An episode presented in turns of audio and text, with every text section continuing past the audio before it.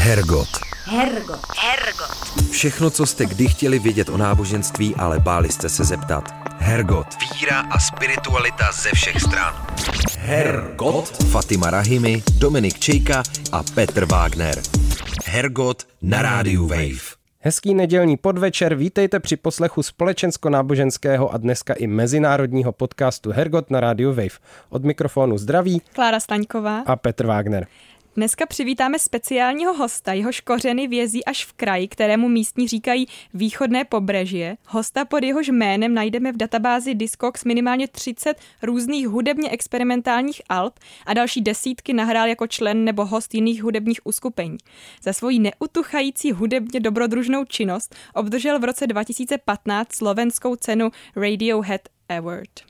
Ale jak nás znáte, nepůjde nám ani tentokrát jenom o muziku. Náš dnešní host je také nesmlouvavým komentátorem náboženského, společenského a politického dění na Slovensku, i trochu u nás, a všechno tohle se do jeho tvorby významně propisuje. Vážení přátelé, pořad Hergot již za malý okamžik navštíví Samuel Sabo, známý jako Samčo, brat Dážďověk. Ale ještě než ho přivítáme, tak si pustíme magický jingle. Hergot. Hergot. Hergot. Fatima Rahimi, Dominik Čejka a Petr Wagner. Hergot na rádiu Wave. Jingle zazněl a písničkář, slammer, multidisciplinární umělec, tulák a nábožensko-společenský komentátor Samčo Brat Dážďověk je již zde s námi ve studiu. Ahoj Samčo. Ahoj, ahoj, sorry. Ahoj. To, to ahoj mi nevyšlo hned na začátek. Ne, to nevadí a myslím, že se ještě můžeme všici rozmluvit. Ta první otázka, kterou chci položit, je, jestli jsme tě adekvátně představili, nebo by ses nadefinoval ještě nějak jako jinak. To asi ste vymenovali väčšinu toho, čo v živote riešim. Ešte veľa spím, ale to už neviem, či sa ráta. Jako spáč, jako, no, uvést někoho jako spáče, v Hergotu, to si myslím, že taky není vůbec špatný, no tak já budu poučen pro příště. A sníš, snom, sníš no. u toho taky? Aha, ja mám väčšinou príjemné sny, takže v podstate nemám problém so spaním dlho, lebo tie sny sú väčšinou veľmi príjemné. Alebo mierne príjemné. E, ma- Málo kedy mám zlé sny. A o čem se ti tak zdá, když spíš teda? To je to, že väčšinou je to taká menej vyčerpávajúca verzia môjho bežného života, mm-hmm. že obvykle sa mi sníva o tom, že cestujem e, niekde, hej, že presadám z vlaku na vlak a sa prechádzam po prírode alebo po dedine alebo po nejakých mestách, že proste sa také dosť putovacie sny a občas stretávam ľudí, občas robím urbex, ale väčšinou je to také mm, putovanie bez fyzických a duševných ob, obštrukcií, ktoré v bežnom živote často k tomu patria. Tak to je zajímavé. Od reálního putování si odpočíváš ve snu putováním, který je snový a mm-hmm. u toho odpočíváš. Áno, áno. Na, väč, väčšinou e, sú to príjemné, že občas sa mi sníva, že zmeškam pripoj na vlak, alebo naposledy sa mi snívalo, že ma chytil revízor, ale inak e, to sú fakt, že veľmi zriedkavé hej, takéto nepríjemnosti. A napíšeš pak o tom třeba písničku? E, O snoch malokedy. Skôr sa mi stane, že mi v sne príde melódia. A keď mm-hmm. narážate na pesničku o revízorovi, tu som napísal pre reálneho revízora, ktorého som raz mal naživo ako reálny sprievod na koncerte. Uh-huh. Takže to bolo situačné, tak ako je veľa mojich pesničiek situačných. Než jsme tě uvedli, prozradili jsme, že pocházíš z východního Slovenska, konkrétně máš kořeny, myslím, v Košicích přímo, mm-hmm. což je pro nás velmi přitažlivá a v celku dost neznámá oblast. Ty sám si v jednom rozhovoru naznačil, že jde o v pravém slova smyslu periferii, tedy oblast nejrůznějších periferních společenských jevů. Já si to představuji jako exotickou mixturu sociální nerovnosti, náboženských extází a politicko-společenské bizarderie. Pletu se, a nebo, nebo jsme to taky nějak plus minus trefili. No, keby sme to chceli veľmi zjednodušiť, tak samozrejme, že hej, že toto je hej, taký lákavý spôsob, ako to uchopiť a občas mám k tomu tiež sklony. Ale hej, že je to, je to určite zjednodušené, určite mm, zase ten mm, hej, východ všeobecne sa nedá úplne zovšeobecniť. Mm-hmm. Košice sú stále druhé najväčšie mesto Slovenska, ale sú sakra ďaleko od všadiaľ, to je dosť fakt. Mm-hmm. Trvá 6 hodín, než sa dostaneš do Bratislavy, alebo 8 hodín do Prahy, takže e, fakt tam väčšinou nikto ne, necestuje a je to stále taký flek, kde sa narodíš a buď tam ostaneš alebo zdrhneš. A to práve robí, hej, e, to môže robiť práve tú, tú izolovanosť a potom tam môže plodiť tú bizarnosť, ktorá tam dosť bujne, pretože ju nemá čo zvonku kontrolovať alebo konfrontovať. No. Takže bys řekl, že to dětství v tomhle prostředí tě nějak ovlivnilo? Do života. Tak podľa mňa, hej, že, že každého ovplyvňuje hej, v detství v nejakom prostore, podľa mňa, že um, no, po, jedno, tak eh, podľa mňa ma to ovplyvnilo vo veľmi veľa veciach. A keby som chcela aj práve špecificky, tá izolovanosť je tiež dosť taký zaujímavý pocit, že podľa mňa z toho pochádza aj nejaká taká vec, ktorú volám Košický krč, že vlastne Košice sú najväčšie mesto v rádiuse, myslím, že tak 300 km, že to je fakt, že celkom dosť. Uh-huh, uh-huh. A, a tým pádom vlastne, keď si v Košiciach, tak si si vedomý toho, že si v nejakom veľkom meste síce, ale nemôžeš si pozrieť, ako vyzerá nejaké reálne veľké mesto lebo tam musíš cestovať 5 hodín a vysoliť za toho 20 eur za jednosmernú cestu, dajme tomu. Že, mm, že, že taký ten pocit toho, že ty si pán, pretože žiješ v najväčšom meste, si mešťák a že Košice sú proste historické mesto s brutálnou históriou, mm, ktorá hej, s brutálne zachovanými historickými pamiatkami a tak ďalej, že proste je tam hej, všetka tá hrdosť, ktorá potom niekedy prerastá až do takej zahľadenosti samého do seba. No a to je ďalšia vec, že vlastne je to také dosť mm, silné mesto v tom, že tam, musí, že tam musí byť človek naozaj veľmi silný, aby ho potom život v takomto prostredí nerozdrvil, pretože tam mm, väčšinou není úplne mm, OK nahliadané na to, keď e, je niekto odlišný. V Košiciach e, je dosť také e, zapeklité s fungovaním hocičoho, čo sa považuje za alternatívnu kultúru výtvarné umenie tam má povedzme nejakú tradíciu v tomto ohľade, ale aj výtvarníci si povedzme počas Európskeho hlavného mesto kultúry 2013 prešli nejakými svojimi politickými obštrukciami a tak ďalej, že tiež tam boli všelijaké problémy s týmto. Uh-huh. Takže Košice sú tak, tak zvláštne na hranici, hej, že malo mesto a veľké mesto a sa to tak mieša dosť do takej tej hej, silnej formy, kde je istý tlak na to, aby človek zapadol medzi ten zvyšok, ktorý samozrejme funguje občas na pomedzi takej tej, môžeme to nazvať, že temnej mentality, ja neviem, celkom. Pačil sa mi výrok, že Košice sú veľmi silné mesto, to povedal Peter Kalmus, že proste musíš byť veľmi silný, lebo aby si tam tie tlaky prežil. Tak to podľa mňa je taký dobrý spôsob, jak to zadefinovať. To je zajímavé, jak o tom hovoříš, protože my teda nemáme úplně totožný eh, srovnání z českého prostředí, že by bylo některé město poměrně velký tak daleko od jiných velkých center, ale jinak mluvíš podobně, jako mluví lidi ze Sudet, třeba o Chebu, mm-hmm. ne, o intenzitě toho místa, taky o tom, že město může být formálně velký a mentalita může být maloměstská v zásadě, nebo ta, ta nesnášenlivost k čemkoliv, co se vymyká, ale ty se vymykal, počítám, už od dětství, no minimálně od puberty. Jak se s tím srovnával, jak si vlastně přežíval ty Košice kolem sebe?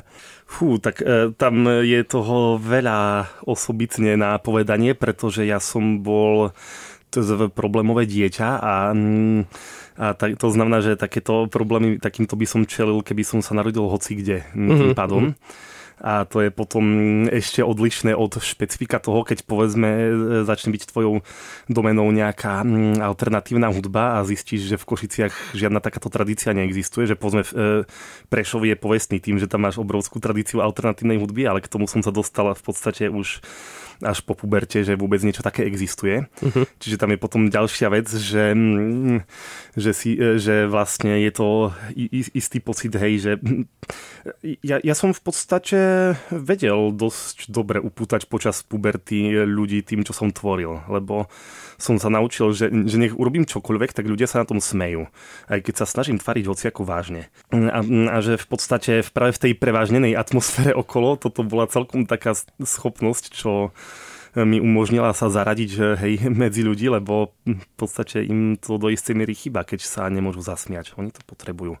Takže ja som sa v podstate v tomto ohľade vyvinul ako nejaký druh zabavača. Um, a preto som dosť dlho bol zabávač a dosť dlho som sa takto prezentoval pred ľuďmi, až potom sa to inými cestami dostalo aj k iným veciam. Takže předpokládám, že to, že si úplně třeba nezapadal, byl i jeden z důvodů, proč eh, si třeba Košice opustil. Kam si vlastně šel, když si je opouštěl? No, mm, ono je to tak, že eh, ja, ja som, že ďalší problém je ten, že ja som v podstate bol dosť taký naviazaný na miesto a ja som si nevedel predstaviť, že odídem preč a opustím si všetko, čo mám rozrobené, že ja som proste mal hej, štúdio, ateliér a všetko také zo svojej detskej izby urobené a mal som tam riadne tvorivé zázemie, v ktorom som bol spokojný sám so sebou. A až postupne, keď ma začali volať na koncerty niekde inde, tak mm, som si uvedomil, že vlastne mám e, o dosť viacej fanúšikov v nejakých úplne iných oblastiach, že prvé koncerty solovo som začal, e, kde ma volali ľudia, tak boli na strednom Slovensku, kde ma nejak našli cez internet. Uh-huh. A no a mm, my sme mali kapelu Vyschlí sísli, čo v podstate, hej, e, bol, že, že to bola dosť taká ťažká alternatíva hej, a um, keď sme to robili, že, že ja som tomu organizoval koncerty v Košiciach a v Prešove, čo bola výhoda, lebo keď sa naučíš takejto kapele zorganizovať koncert eh, v, v takýchto lokalitách, tak potom už vieš zorganizovať všetko. Už. Ale zase to bol ten brutálny pocit, že proste hm, hej, všetci boli vydesení a hm, keď sme to robili v Košiciach v Prešve obvykle a že raz za čas sa podarilo nejak náhodou niečo, kde boli z toho ľudia celkom OK, ale väčšinou to bolo dosť hm, také, že ľudia pozerali a čumeli, že co to je. A prevádzkari kultúrnych priestorov boli z toho často veľmi vyľakaní. A potom sme zrazu prišli do Brna, kde sa odsťahoval môj brat a tam sme si urobili jeden koncert a tam úplne, e, hej, sme zahrali ten istý repertoár, tá istá kapela, publikum totálne nadšené, vypýtalo si prídavok, čo sa nám stalo prvý raz v histórii. A mm, ja som zistil, že existuje preto publikum a som sa zrazu odsťahoval do Brna v podstate dôvod bol ten, že si ľudia vypýtali od nás prídavok. No, ne, tak... Nebol to jediný dôvod, ale, ale znie to dobre, keď to takto povieš. Zní to dobře, ale ve skutečnosti je to možná taky trošku tím, že si tam i studoval, že v Brně, je to tak? Mm, to bolo, na, to bolo tak, že ja som si povedal, že sa odsťahujem do Brna a štúdium bola dobrá zamienka na odsťahovanie sa do Brna. Uh-huh, uh-huh. A konec koncov potom som zistil, že tá škola v Brne mi za tie tri semestre dala o dosť viacej než 6 semestrov mm, vysokej školy v Košiciach akože bol to iný obor, v Košiciach som študoval informatiku a v Brne teóriu interaktívnych médií, ale pokiaľ ča na umenovednom odbore naučia o vedeckej metóde a o zdrojovaní a o takýchto veciach viacej než na technickom, tak asi je to trošičku na zamyslenie, dajme tomu. Mě by ještě zajímalo k tomu publiku, eh, jak vlastně lidi různě reagují na, na tvoji hudbu. Od nějakého přesně, jak si pojmenoval, možná trochu zhrození nebo vyděšení, přes nějaký pobavení. Eh, jak lidi vůbec přistupují k té tvý tvorbě? Mm, no toto sa nedá zo všeobecniť. Ja, ja väčšinou, um, že, že už keď sa do toho aspoň trošku vžiješ, tak vlastne pochopíš, že tá vec je trošku tak dialog že sa naučíš interagovať na publikum takisto ako ono reaguje na teba čo v podstate pre mňa je hej, taká základná vec, že mať nejaký hm, kontakt s publikom a priamo vidieť, že akú energiu dávajú oni tebe a vedieť si vymieňať. Čiže pre mňa hm, napríklad hej, je dosť dôležité, že nejakým spôsobom potom s nimi viesť ten dialog ohľadom reakcií a ten už, hej, to už fakt závisí od toho, že v akej situácii sa ocitnem a kto ma kde zavolá. V tých začiatkoch to bolo také, že to bolo iba skúmanie terénu, že ty vlastne nevieš, ako na teba zareagujú ľudia a hej, veľa z nich bolo dosť vyjavených mm, vydesených a iní boli naopak, že je, toto je aké dobre, takéto som v živote nepočul, toto robte ďalej.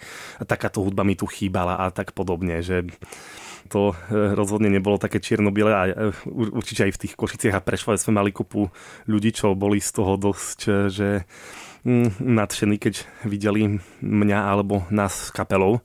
Ja, ja som vtedy väčšinou ešte vystupoval s kapelou. Takže tam hej, išlo o to, že aký repertoár v akom klube a pre koho a bral som to vždy ako taký typ antropologického výskumu, že je úplne iné, keď hráš pre pankačov v Dolnom Kubine a je úplne iné, keď hráš pre rodinky s deťmi v Nitrianskom Hyde Parku a je úplne iné, keď hráš pre Noizerov v Bratislavskej Fuge, dajme tomu a je to, hej, a, a všetko toto sú veľmi odlišné veci a zase ja mám pomerne širokospektrálne zameranie, takže mm, aj podľa toho, že kde hrám, tak si vyberám, čo budem hrať.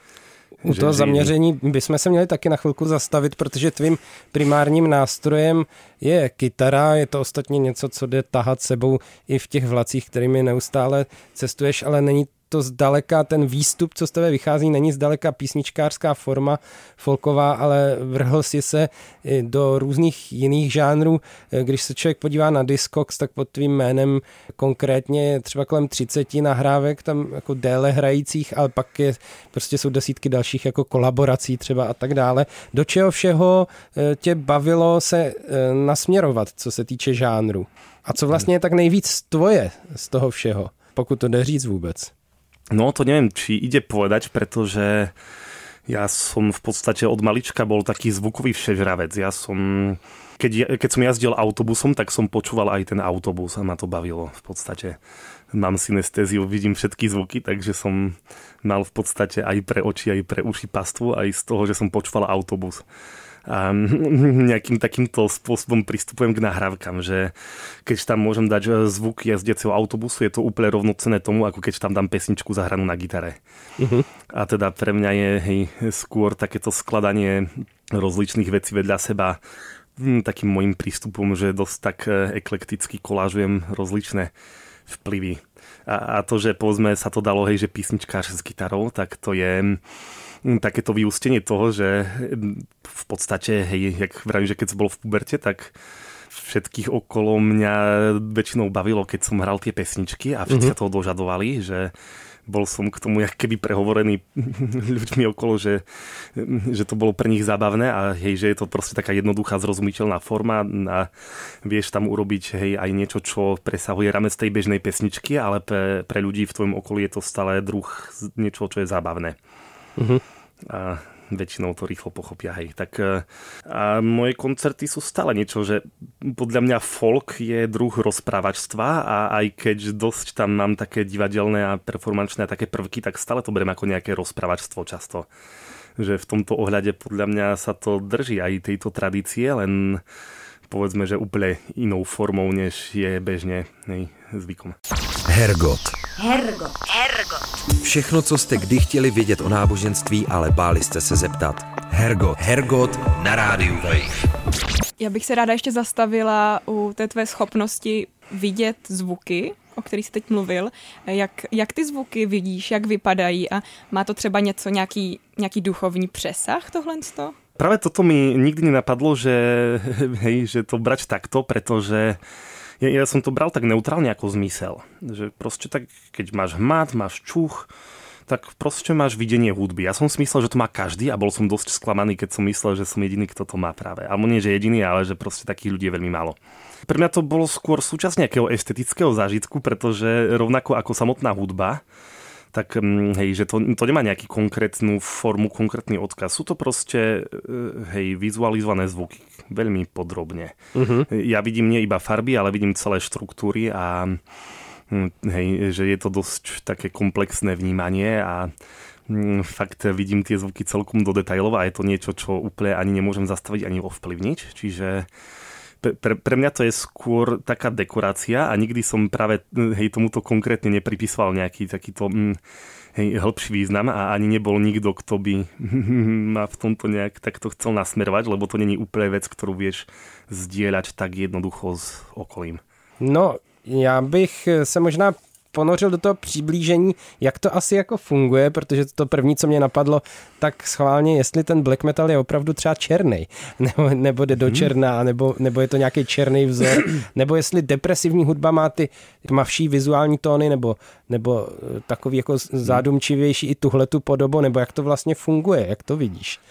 Z hodou náhod black metal je síce dosť hej do čierna, ale nie kvôli tomu, že by to bolo nala- že by to súviselo s náladou, pretože u mňa sa vlastne asi práve preto mi nenapadlo tomu dávať nejaké takéto asociácie, pretože u mňa to nie je nejaký pro- proces, že, že je to em- emotívne asociované. Uh-huh. Ale naopak je to úplne neutrálne zmyslové vnímanie že už tie emočné asociácie ti prichádzajú až spätne a že môžeš mať nejaké asociácie s tým, čo vidíš, ale, už, ale to nemusí emočne súvisieť s tou hudbou práve. Uh-huh, uh-huh. Že, myslím si, že to bol Oldřich Janota, ktorý práve takéto žánre typu hej, black metal a takéto veci označil za nejakú mŕtvú vodu v hudbe. Aha. Že ak máš živú vodu a mŕtvú vodu pretože hej, keď máš akustickú hudbu, tam je to o dosť krehkejšie a o dosť dynamickejšie A pri takýchto hlasných žánroch je tá dynamika obvykle o dosť viacej sploštená a zároveň tam nie je harmónia, zároveň, že je to celé také väčšinou keď počúvam black metal, tak ma bavia také tie zašumené lo-fi, kde všetko je naozaj vypeckované a má to celý taký ten garážový zvuk. No a tam fakt, že máš, vidíš takú guču, ktorá už je do takého šedočierna preto, že tam z toho nevylezie moc veľa harmónií a moc veľa nejakých eh, hej, jemných a krehkých štruktúr. Takže to je skôr dané vyloženie hej, tou technickou kvalitou tej hudby a nie, nie je to už úplne hej, s tým, aké to má pre mňa asociácie nejaké pocitové, emočné. No a nejbarevnější naopak by bylo co? Uh, väč- väčšinou farebnosť závisí od harmonie, že keď máš veľmi kom- nejaké komplexne harmonické veci, ktoré zároveň ešte sú zrozumiteľné, tak vtedy vidím veľmi výrazné hm, tie farby. A to môže byť napríklad dôvod, pre ktorý som ako decko inklinoval k Beatles, čo v svojom čase doniesli dosť takú že čistotu harmonii, že nerobili tri akordy, ale vedeli urobiť fakt, že celkom také premakané veci a zároveň zneli úplne prirodzene uh-huh. a ľahko uchopiteľne aj pre 5-ročného človeka, takže viem, že tí, tí sa mi páčili prvá aj kvôli tomu, že naozaj to bola taká asi prvá pesnička bola u mňa Strawberry Fields Forever a to je fakt, že v tomto ohľade celkom výlet by som povedal aj vizuálny. Takže to tvoje vidění zvuku, nějaký duchovní přesahy úplně nemá, ale ty se přece jenom náboženství věnuješ um, docela obsáhle, píšeš o něm komentáře, i, i v písničkách. Málo který hudebník má na kontě dokonce dvě liturgie. Jak ti uh, náboženská témata přišla do života? U, u mňa je to takto, že hej, ja som bol v podstate nejakým spôsobom hej, mm, v kontakte s duchovnými záležitosťami, pretože som, hej, som sa ocital vo všelijakých kruhoch ľudí od malička, ktorí riešili, ale to bolo v 90. rokoch, kedy skôr mm, bol ten boom východných filozofií a New Age a tak. Mňa zaujímalo čítať si mytológie a príbehy o stvorení sveta a Mm, takéto všelijaké veci od rozličných národov, že ma to zaujímalo tak celkom komplexne všeobecne, že aký pohľad na to malo ľudstvo a že čo z toho si môžem zobrať ja. No a mm, takže ja som bol na to zvyknutý e, e, sa pozerať nejak takto a bol pre mňa teda riadny kultúrny šok, keď som bol vo veku 8 rokov konfrontovaný s takým tým klasickým slovenským vidieckým kresťanstvom. Uh-huh. V prvom rade vtedy moc nenapadlo hľadať nejaký duchovný obsah alebo niečo také, lebo tam mi to prišlo ako taká strašná... Mm, jak, jak to nazvať, že proste príde niekto a začne do teba valiť také tie, že strach, rôza, utrpenie, mučenie, krv a neviem co všetko a, také, a takéto tie temné obrazy pekla a hriechu a všetkého tohto, ktoré a z čoho máš vlastne mať hej, takúto temnotu a máš sa z toho vyľakať a byť akože pokorný a tak. A mm, toto, hej, mm, to mi, ne, to mi prišlo skôr, hej, moja samozrejme prvotná reakcia bolo, že úplne zdesenie, že co to je pre Boha, že ako to, že e, niekto niečo takéto dokáže vôbec mm, hej, prezentovať ako nejaké náboženstvo alebo tak. Čiže ja som, a to bolo na základnej škole a ja som mal celkom tým pádom konfrontácie ohľadom toho, ale faktom je, že za zhruba pol roka zo mňa skoro urobili veriaceho, samozrejme s istým odstupom, ale... Jak sa im to povedlo? Ten strach zafungoval e, nakoniec. Nie, nie, nie ani tak práve, ale tak ja, ja som bol človek, ktorý rád čítal a v podstate to, to nebola základná škola, že tam sa učíš čítať, písať, počítať. Tam učili náboženstvo a k tomu trochu učili to čítať, písať, počítať. Aha, aha. A v podstate, mm, hej, keď, keď som sa dostal cez, ten, cez túto rovinu, tak som z toho začal už zoškrabávať aj nejaké veci, ktoré mi prišli úplne v poriadku a v pohode a lebo tak e, predsa len, e, keď si čítaš nový zákon, tak ti je jasné, že ten Ježiš je predsa človek úplne na pravom mieste, ale a že problém je skôr v tom, že ti to začne hej, prezentovať niekto, kto to prezentuje práve cez nejaké, že musíš trpieť a musíš celý čas cítiť vinu za svoj hriech a takéto veci. A že tak e, som v tom začal nachádzať nejaký hm, obsah, ktorý mi prišiel príčetný, ale potom som zmenil školu, takže už som tomu nebol vystavený a ma to prešlo rýchlo. No, takže to nebylo z rodiny úplně, ten, ten, ten tradiční, dejme tomu, katolicismus eh, slovenského vesnického typu, nie, jestli nie. něco taky existuje, ale přišlo to skrze vzdělávací proces, což je zajímavý. To je uh-huh. cesta, kterou se to většinu, většině z nás tady v Čechách vůbec nemá šanci dostat přes vzdělávací proces. No a ty si řekl teda, že jsi z toho vyklouzl, ale eh, ty témata jsou prostě neustále přítomný v té tvorbě a taky v tom, čeho si všímáš ve slovenské společnosti, protože tam to náboženství a ty témata tam vstupují asi častěji mnohem než u nás. Eh, proč se tě to drží? Proč si to jenom neuříz ze svého života neodhodil teda? No, le, lebo práve to, že mm, až potom neskôr som zistil, že vlastne narodiť sa do v podstate takmer čisto ateistickej rodiny je na východe Slovenska pomerne vzácna vec. Uh-huh. Že, mm, nie, nie, že nulová pravdepodobnosť, ale není až tak veľa ľudí, ktorí by toto mohli povedať. A mm, teda je to niečo, čo je veľmi silne zakotvené v kultúre. No a mm, ja, ja, ja som vlastne, hej, paradoxne aj môj druhý kontakt s týmto uh, bol katolické gymnázium zase, tam som stravil 4 roky. Uh-huh. Tam už to nebolo cez uh, takéto, hej, cez takéto hrôzy plné obrazy väčšinou robené. Tam som zažil naopak ten druhý extrém, ktorým je podľa mňa taká... Mm, až prílišná umiernenosť. Že mm, je, je aj taký prúd mm, proste v, medzi tými slovenskými katolíkmi, že oni proste sa tak snažia vyhnúť konfrontácii a byť umiernení. A že v prípade, že povedzme ich e, začneš ty s niečím konfrontovať, tak oni sa tak mm, pasívne snažia tvariť, že to je nepríjemné, že vôbec musí byť s niečím konfrontovaný a, že, a z toho potom môžu vyplývať nejaké ďalšie veci typu, e, že nemajú proste až tak veľa zmyslu pre humor a iróniu. A, a, a to boli už také jemnejšie veci, lebo hej, že to už nie je niečo, čo v tebe spôsobuje hrôzu, ale je to stále niečo, čo, hej, že proste, to, toto je všetko, toto je všetko, čo si z toho chceš zobrať. No a potom už keď začneš spozorovať, že ako funguje spoločnosť okolo teba práve na tom Slovensku, tak si všímaš, že práve z dosť veľkej časti je to ovplyvnené jedným z týchto dvoch prúdov. Buď s tým, že proste mm, psychický natlak, vydieranie a mm, vyhrážanie sa niečím, dajme tomu. A z druhej strany práve tá mm, e, keby umiernenosť a neochota konfrontácie. A, a že toto je v podstate takým spôsobom zatavené v tej mm, spoločnosti spoločnosti a dosť často to je práve kvôli tomu, že sa to odvoláva jak keby na to kresťanské učenie mne neprišlo, že by automaticky malo predsa z kresťanského učenia vyplývať nejaký z týchto extrémov, ale skôr mi to prišlo, že sa využíva mm, to učenie ako zamienka na to, aby sa mohli ľudia ovládať e, nejakým spôsobom a organizovať práve cez takéto veci. A že, no a potom začneš zisťovať, že akým spôsobom je církev zažraná v politike, aj v komunálnej, aj v celoslovenskej, a že akým spôsobom to ovplyvňuje mm, hej, E, životy ľudí, akým spôsobom e, dokáže povedzme církev e, poštvať celé mesto proti tvojmu kamarátovi a takéto záležitosti, ktoré sú hej, reálne príbehy zo života a stavajú sa častejšie a počúvaš o nich čoraz viacej zo všetkých strán. A, a že hej, potom ťa to zač- začne znepokojovať a zistíš, že v podstate je málo ľudí, ktorí by sa tomuto venovali umelecky a že máš v tomto prípade voľné pole. No a já rád vyplňám volné polia. Ty jsi tady jmenoval nějaký ty proudy, který ti úplně sympatický nejsou a nějak bys je kritizoval. Je naopak nějaký proud v tom křesťanství nebo, nebo v tom katolictví, který je ti nějakým způsobem sympatický? Nebo obecně možná duchovní proud, se kterým uh, seš, se cítíš jako nejvíc v pohodě. Hm, úplne najvíc v pohode. No.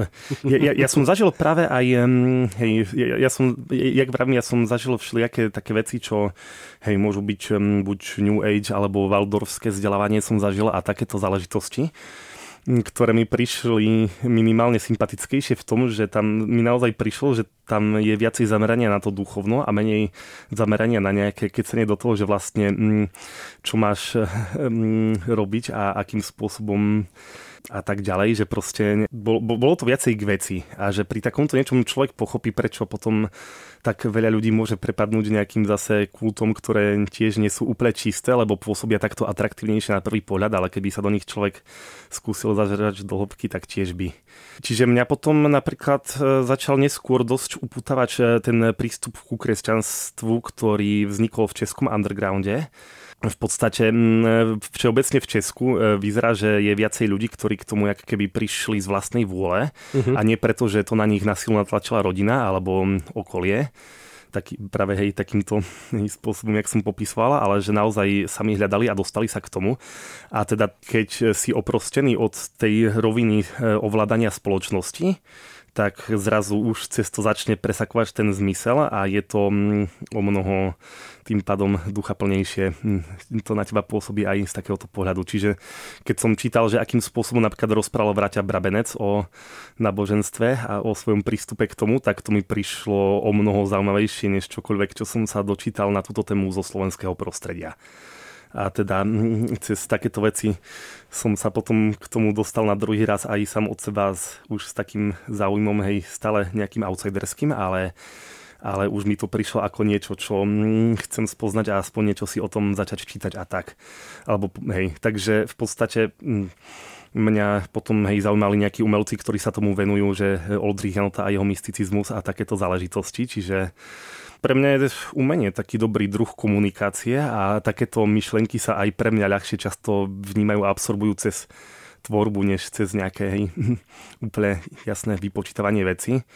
Lebo je to niečo, čo predsa len funguje na nie tej racionálnej rovine, ale je tam aj nejaká pocitovosť, ktorú nevždy vieš úplne preniesť exaktne a práve preto sú ľudia, ktorí vedia tyto věci přenést lepšie. A co tě, co tě inspiruje třeba na, na katolický mši, když si ji vlastně dvakrát zhudebnil a zajímalo by mě, hrála se někdy ta tvoje zhudebněná mše při nějaký skutečný bohoslužbě? No, e, e, pre istotu takto. E, mám, mám síce dva albumy, hej, ale jedno z nich urobilo fakticky Raptor Koch, čo je tiež môj kamarát z východu, tiež je to hudobník, ale hej, má mm-hmm. úplne iné východiska a a, a, ne, neviem, že prečo si vybral práve toto, to by som sa musel spýtať jeho. No a tá prvá e, omša, čo som robil, štandardná rímsko-katolická sveta omša, tam išlo o to, že, že ja som, jak som chodil na katolické gymnázium, tak som často hral na omšiach. Bola to v podstate moja celkom, to bola činnosť, čo som si užíval. Ja som aj hral v gospelovom zbore, na džembe a tak ďalej ale vždy som mal eh, hej, sen, že vlastne mi to prišlo také, že je to, mm, že, že proste, že už tie mladežnické omše predsa len nie sú hudobne nejak úplne najduchaplnejšia vec, povedzme to takto. A, a, a že keď mm, niekomu nevadí urobiť omšu, kde mládež spieva so španielkou nejaké melódie, ktoré už skôr zasahujú do kliše hudobného a do takej amaterčiny, tak mi príde dôstojnejšie skôr urobiť nejakú multižánrovú omšu, ktorá mieša povedzme hej, také žánre, ktoré mm, obvykle nenájdeš v bežnej omši, že nejaký noise, tanečnú hudbu, mm, experimentálnu elektroniku, a, mm, hej, freak folk a tak podobne. A mm, teda som chcel dôsledne dodržať tú štruktúru, že urobiť niečo, čo je naozaj omša, len ju urobiť tak, aby to bolo hudobne Mm, bližšie k mojej predstave, že, že keď aj hudbu používaš ako spôsob komunikácie, tak toto bol pre mňa nejaký spôsob komunikácie, ktorý mi prišiel mm, k veci, k tej forme omše ako nejakého rituálu, ktorý má presne danú postupnosť, predpisy, že je predpísané, že čo, kedy, kto robí a ako. No a mm, tak e, som si urobil omšu tak, aby, že aby sa to páčilo mne, uh-huh. esteticky z hudobného hľadiska. No a a mal som na to zaujímavé reakcie, lebo som potom poznal, mm, hej, že, že mi písal aj nejaký katolík napríklad, že, že to používa ako evangelizačnú pomocku, že proste to púšťa kamarátom, ktorí sú neveriaci a oni, hej, okamžite to u nich zbudí záujem a chcú to počuť a sa o to začnú zaujímať, že je to vlastne taký spôsob, ako komunikovať tie veci mm, jazykom, ktorý je zrozumiteľný. Teraz niečo podobné rieši kapela Duo Kalich, ktorí sú reálni veriaci a, to, to je, a oni hrajú kresťanský experimentál. Uh-huh. Že tiež sa snažia takéto prvky lo-fi a experimentálu dávať do kresťanskej hudby, aby, lebo, lebo chcú sa vyjadrovať aj takýmto spôsobom, že experimentálna hudba je pre nich tiež rovnocenná, rovnocenný žáner, ktorý chcú riešiť a chcú to robiť v spojení s kresťanstvom, lebo Určite ma prvé aj tam inšpirovali povedzme pašie od plastikov, ktoré v podstate tiež sú pašiové hry, uh-huh. ktoré tiež napísal Brabenec ako vyštudovaný teológ, ale hudobne je to fakt, že zároveň veľmi experimentálna vec, zároveň je to hej eh, poctivo napísané a v rámci možností aj relatívne prevedené, takže určite som mal na mysli niečo podobné. Akurát mne sa to naživo nepodarilo predviesť, ale mal som také plány, že si nájdem na to nejakého hej, normálne organistu a DJ-a a tak a urobím to ako reálnu takú nie omšu, ale ako performance, lebo samozrejme, že nemôžeš robiť omšu, keď nie si na to dostatočne kvalifikovaný a vysvetený. Hergot. Hergot. Hergot. Fatima Rahimi, Dominik Čejka a Petr Wagner. Hergot na rádiu Wave. My už jsme se dotkli těch nábožensko-společensko-politických témat, což je přesně ta výseč dění, kterou my i nějak pojímáme eh, v Hergotu. Eh, mluvili jsme taky o tom, že ti to prostě nedá a nejenom v tvorbě jako v písničkách, ale taky v textech a v komentářích třeba na tvým Facebooku se dost často promítá aktuální situace na Slovensku, co tě tak jako nejvíc dokáže vybudit k tomu, aby se k tomu vyjádřil a jaký témata vlastně teďka nejvíc asi pulzujou na Slovensku, eh, co se týče náboženství a společnosti. Co tě provokuje, aby se vyjádřil a nějak to popsal. Většinou teda nutno říct, že se snažíš o nadhled a aby to bylo vtipný a není to moc suchopárný komentování a je dost teda ostrý a jízlivý často, ale co tě vyprovokuje k tomu, aby si set a rozepsal se?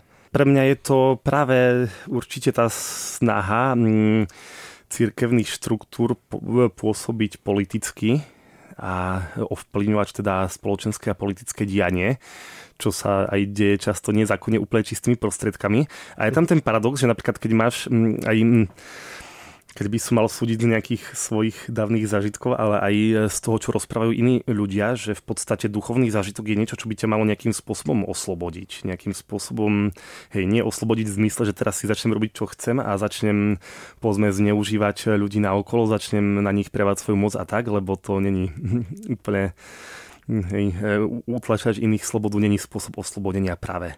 A to je to, že v podstate v mediálnom priestore sa momentálne takto e, církev, teda aj hlavne tá rímsko-katolícka, ale tak na Slovensku máš aj grecko-katolícku, aj pravoslavnú a sa to prezentuje v podstate skôr ako nejaký nástroj na zakazovanie a obmedzovanie slobôd a práv. To je jedno, či žien, sexuálnych menšín a tak ďalej, ale proste... Mm, v podstate sa to občas schováva za nejaké duchovné hej, reči, ktoré už sú tak lacné, že podľa mňa už im neveria ani sami tí ľudia, ktorí ich vravia lebo keby hej, tak asi by e, nepoužívali takúto hej, často nenávistnú a utlačajúcu retoriku, akú používajú. Čiže mne to príde ako nejaké prekrúcanie pôvodných myšlienok, e, z ktorého skôr než snaha o, ne, o, o to, aby Slovensko hej, bola duchovne rozvinutá krajina, tak e, čuší skôr snaha o to, aby nejakí muži pri moci mohli potlačať práva iných ľudí, lebo majú tú moc a majú tú možnosť.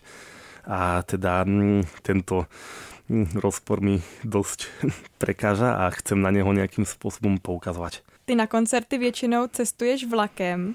Auta nesnášíš nebo neřídíš, nebo ti tak jde o to dobrodružství, že třeba vlaky často nejedou tak, jak by si člověk představoval a je to vždycky taková sázka na nejistotu? No, tak za, za prvé nemám auto. Auto je vec, ktorá e, žerie peniaze. Hm, že proste, už keď máš auto, tak ti to e, pravidelne žerie peniaze a musíš do toho dávať prostriedky ja, ja som taký, že ja v podstate mm, som na hrane aj s platením najmov a takýchto vecí, že to, že mám takýto život, kde som hore-dole, tak to vyplynulo v podstate aj z toho, že mm, keď chceš takýmto spôsobom fungovať v takomto okrajovom type kultúry, tak e, putovný život je relatívne mm, dobrý spôsob, ako z toho výjsť. Uh-huh. Ale mm, potom sa mi stalo, že som si platil nájom v Brne za niečo, za izbu, v ktorej som potom dva mesiace nebol, pretože som bol odcestovaný. Pri aute by, by sa mi to možno že oplatilo viacej, ale stále je to niečo, čo žerie peniaze a stále je to niečo, čo ti m, síce niektoré starosti uberie, napríklad nosiť 30 kg batožiny, ale ti pridá starosti so servisom, s parkovaním a s údržbou vozidla a tak podobně. A ne, nepřemýšlej si nad tím, že tyhle ty dva problémy se dají vlastně sloučit a že by si měl svůj domov na kolech, to by mi tak jako docela dobře šlo k tomu tvýmu způsobu života. Minulý rok som o tom veľmi seriózne uvažoval a tento rok e, sa zdvojnásobili ceny benzínu, takže zatiaľ som to zobral ako znamenie, že nemusím o tom uvažovať až tak intenzívne a že ešte si radšej počkam. Dobře. Ono v podstate vlak mi príde pohodlnejšie, lebo tam máš viacej miesta. E, v prípade, že tamto miesto je. Neplatí to pre rýchliky Košice, Žilina, Bratislava, tam to je napríklad desivé. Uh-huh ale mm, ono, obvykle s tým nemám problém a príde mi to pohodlné v tom, že proste si sedím a robím si svoje veci, môžem si strihať hudbu alebo videá počas toho, ako sedím v tom vlaku a je, je to zase celkom fajn, hej, je, je to aj súčasť dobrodružstva a toho videnia. Je to také, že keď e, niekde dohráš, tak nemusíš sa starať o to, že kde nechávaš auto a že či e, môžeš, nemôžeš piť na koncerte, a, lebo hej, sa musíš ešte premiestniť inde a tak podobne, že zase, hej, ono nejakú slobodu to dáva, nejakú slobodu to uberá. Tam podľa mňa to není nejaká, hej, hra s nulovým súčtom, či jak sa tomu my jsme se na ty vlaky ptali taky proto, eh, protože to tvoje cestování křížem krážem eh, po republice, po, vlastně po obou republikách a teďka občas i někde jinde eh, vznikl třeba tvůj YouTubekový seriál Mysterium slovenského malomesta, kde si všímáš především různých znaků úpadkové nebo defektní nebo úplně jinak, jinak mimo posunuté architektury. Co tě na tom přitahuje? No, dajme tomu, že ono je to dosť zamerané aj na urbanizmus, mm-hmm. že práve vďaka tomuto som sa naučil rozdiel medzi architektúrou a urbanizmom. A toto boli v podstate moje záľuby od malička, aj architektúra, aj urbanizmus. Keď vyrastáš v Košiciach, tak to je v podstate mesto, ktoré bolo brutálne rastúce práve od 60. Eh, rokov do 80. A máš tam dosť veľa, povedzme, kvalitnej architektúry zo 60. rokov, že socialistická architektúra není iba tá normalizačná šeť, ale po v 60. rokoch sa projektovali a stavali v celkom duchaplné veci často a tým, že som medzi tým vyrastal, tak som k tomu dostal aj nejaký taký vzťah, že síce srdcom je bližšia, povedzme, bližšie vidiecké prostredie na bývanie, ale žil som v meste a mi prirastlo k srdcu teda aj to mesto, v ktorom som žil nielen historicky, ale aj, hm, že nielen historické Košice, ale aj práve tie nové Košice, tie Košice zo 60 rokov. Mm-hmm. No a keď som začal chodiť potom po mestách na východe, tak e, tam som videl iné príklady taký, hm, hej, že, že v podstate hm, väčšina zemplínskeho regiónu, väčšina miest na Zempline v, bola v podstate nejak urbanizovaná práve až za tej normalizácie. A že Zemplínský región, to, aby sme to přiblížili, to je teda severovýchodní Slovensko? Nie, nie. Ne? No nie, nie iba. Je, je to celý východný hej, cíp Slovenska, čo je východne od Slanských vrchov. Uh-huh, uh-huh. Čiže hej, severovýchod je Horný Zemplín, ale ja som mal trochu korene na Dolnom Zemplín Zemplíne, sme tam mali chalupu v Ladmovciach a teda Dolný Zemplín som mal prelezný o dosť viacej a to je fakt, že v mnohých oblastiach veľmi exotický región a aj tam určite vznikla hej, taká moja láska k takýmto periférnym malým mestám. To je hej, proste taká stepno bažinatá krajina hej, s najkrajšími bažinami široko ďaleko, že fakt je tam krásna príroda na to, že nížina. Uh-huh. No a do toho proste tie poľnohospodárske dediny a zrazu medzi tým máš Čiernu nad Tisou, čo je mesto, čo vzniklo kvôli prekladisku. A že, hej, že proste bát z jasného neba. A že takéto kuriozity, keď sa tam objavia, tak proste som nimi bol fascinovaný už od malička a potom som sa snažil zistiť, že prečo mm, tie mesta vyzerajú tak, jak vyzerajú, že čo tvorí ich charakter. No a ja o tom robím aj prednášky. Najprv som robil prednášky, alternatívny prievodca hej, slovenským malomestom, či ak sa to volalo, ani už som zabudol, či ak sa to volá, ale stále robím tie prednášky. Uh-huh.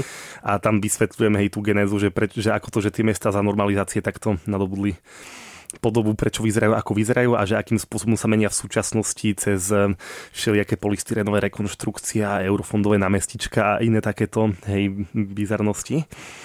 A tie videá sú v podstate iba taký appendix tých prednášok, že mi prišlo, že radšej než vešať na YouTube prednášky, tak zavesím rovno nejaký dokument, kde priamo ukážem na videu to mesto a že to bude o mnoho názornejšie. Tak som si to takto začal sa tomu venovať. Na slovenské scéně si podle našeho zahraničního pohledu docela originální zjev, podobně jako Džumelec nebo u nás Petr Nikl nebo Petr Válek. Kdo je ti uh, svojí tvorbou blízký, koho rád posloucháš a na čem si třeba vyrůstal hudebně?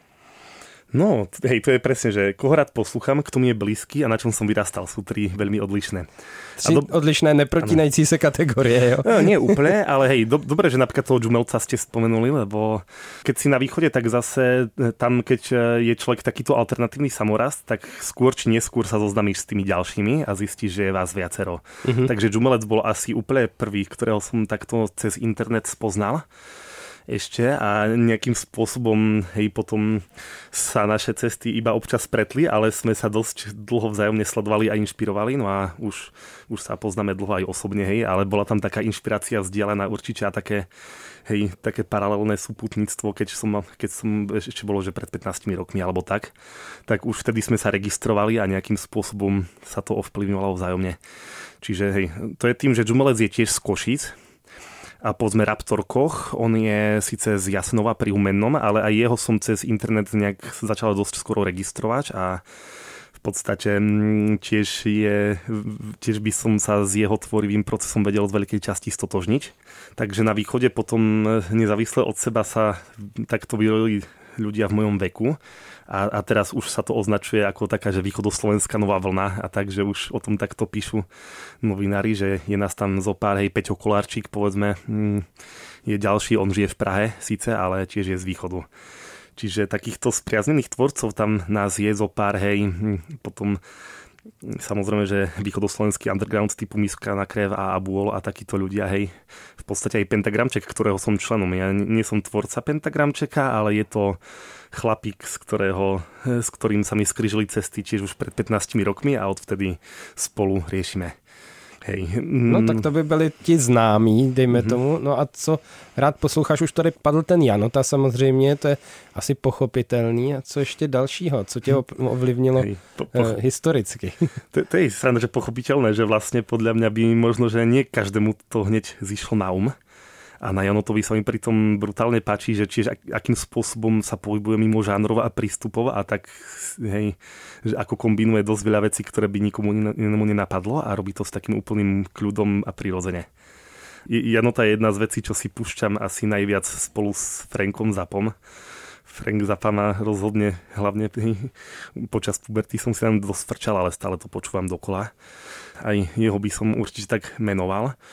No a čo ja viem, keby som začal ďalšie nejaké veci, ktoré občas počúvam, podľa mňa by sa to väčšinou dalo zo všeobecniť práve na nejaké takéto veci, ktoré sa pohybujú na hrane žánrov a prístupov a ich prepájajú nečakaným spôsobom. Že napríklad si posledné roky veľa idem Animal Collective, teraz asi budú hrať v Prahe dokonca, tak som zvedavý rovnako ma potom bavili tým pádom, hej, do, dosť som riešil povedzme ten český underground, keď som sa k tomu dostal, tak to mi prišlo esteticky aj filozoficky veľmi priťažlivé a som si na tom riadne dlho frčal a aj to bola pecka, že keď som sa dostal do Brna, že som mohol začať byť aj v živom kontakte s niektorými ľuďmi odtiaľ a že som mohol to takto nabrať.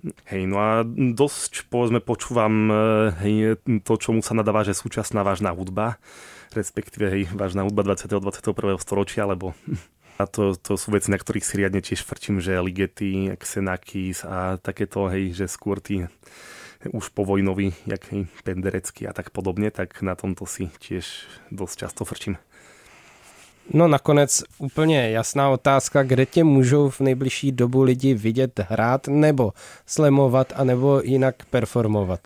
Tak e, myslím si, že najbližšie, čo je záväzné, tak určite vystupujem aj sám, aj s kapelou Pentagramček na Žižkovskej noci. Mm, to bude vlastne najbližšiu sobotu od toho, čo to vy počúvate, takže keď si v Prahe nájdete program Žižkovskej noci, tak mm, v sobotu tam vystupujeme Pentagramček a Samčo Brat Dážďoviek. Mm, vyzerá, že by mi mohlo výsť aj v stredu vystúpenie Tri ocásci. To bude mm, benefičná akcia na Klimacamp. Uh-huh. Väčšinou tam zvyknem každý rok hrať, takže mm, malo by to tak výsť aj teraz. Takže toto sú myslím, že tak najbližšie dve akcie, ktoré ma čakajú. 1.10. to je myslím, že ešte ďalšia sobota. Viem, že budeme hrať v Budišove pri Jíhlave na jednej vernisáži. A to je zaujímavé, lebo tam som nikdy v živote nebol, takže to som zvedavý, že čo z toho bude. Tak my ti přejeme, aby se ti tam líbilo a přejeme ti všechno dobrý do tvý další tvorby a do tvýho nomádského života. Díky za návštěvu v Hergotu. Ahoj. Ďakujem, taky tak. Čaute. Ahoj. Hergot. Hergot. Hergot. Všechno, co jste kdy chtěli vědět o náboženství, ale báli jste se zeptat. Hergot. Hergot na rádiu Wave. To byl Samuel Sabo uměleckým jménem Samčo Brat Dážďověk pro Hergot Rádia Wave. Setkání s umělcem to je vždycky pro nás zábava. My jsme dřív neměli moc jako šťastnou ruku na ty hudebníky, ale myslím si, že tentokrát jsme ten smolný výběr z minula trošku prolomili. Myslím, že to bylo docela dost o umění i docela dost o duchovnu, ne? Tak já jsem tady nově, tak ty smolné ruky naštěstí neznám, ale dnešní rozhovor se mi hodně líbil, stejně jako Ježíš a boží oko na tričku Samča. Mm. S jiným tématem a v trochu jiné sestavě zase příští týden se budeme těšit na slyšenou. Ahoj. Ahoj. Boží keci a příjemná astrální setkání. Hergot. Poslouchejte podcast pořadu Hergot kdykoliv a kdekoliv. Více na wave.cz lomeno podcasty.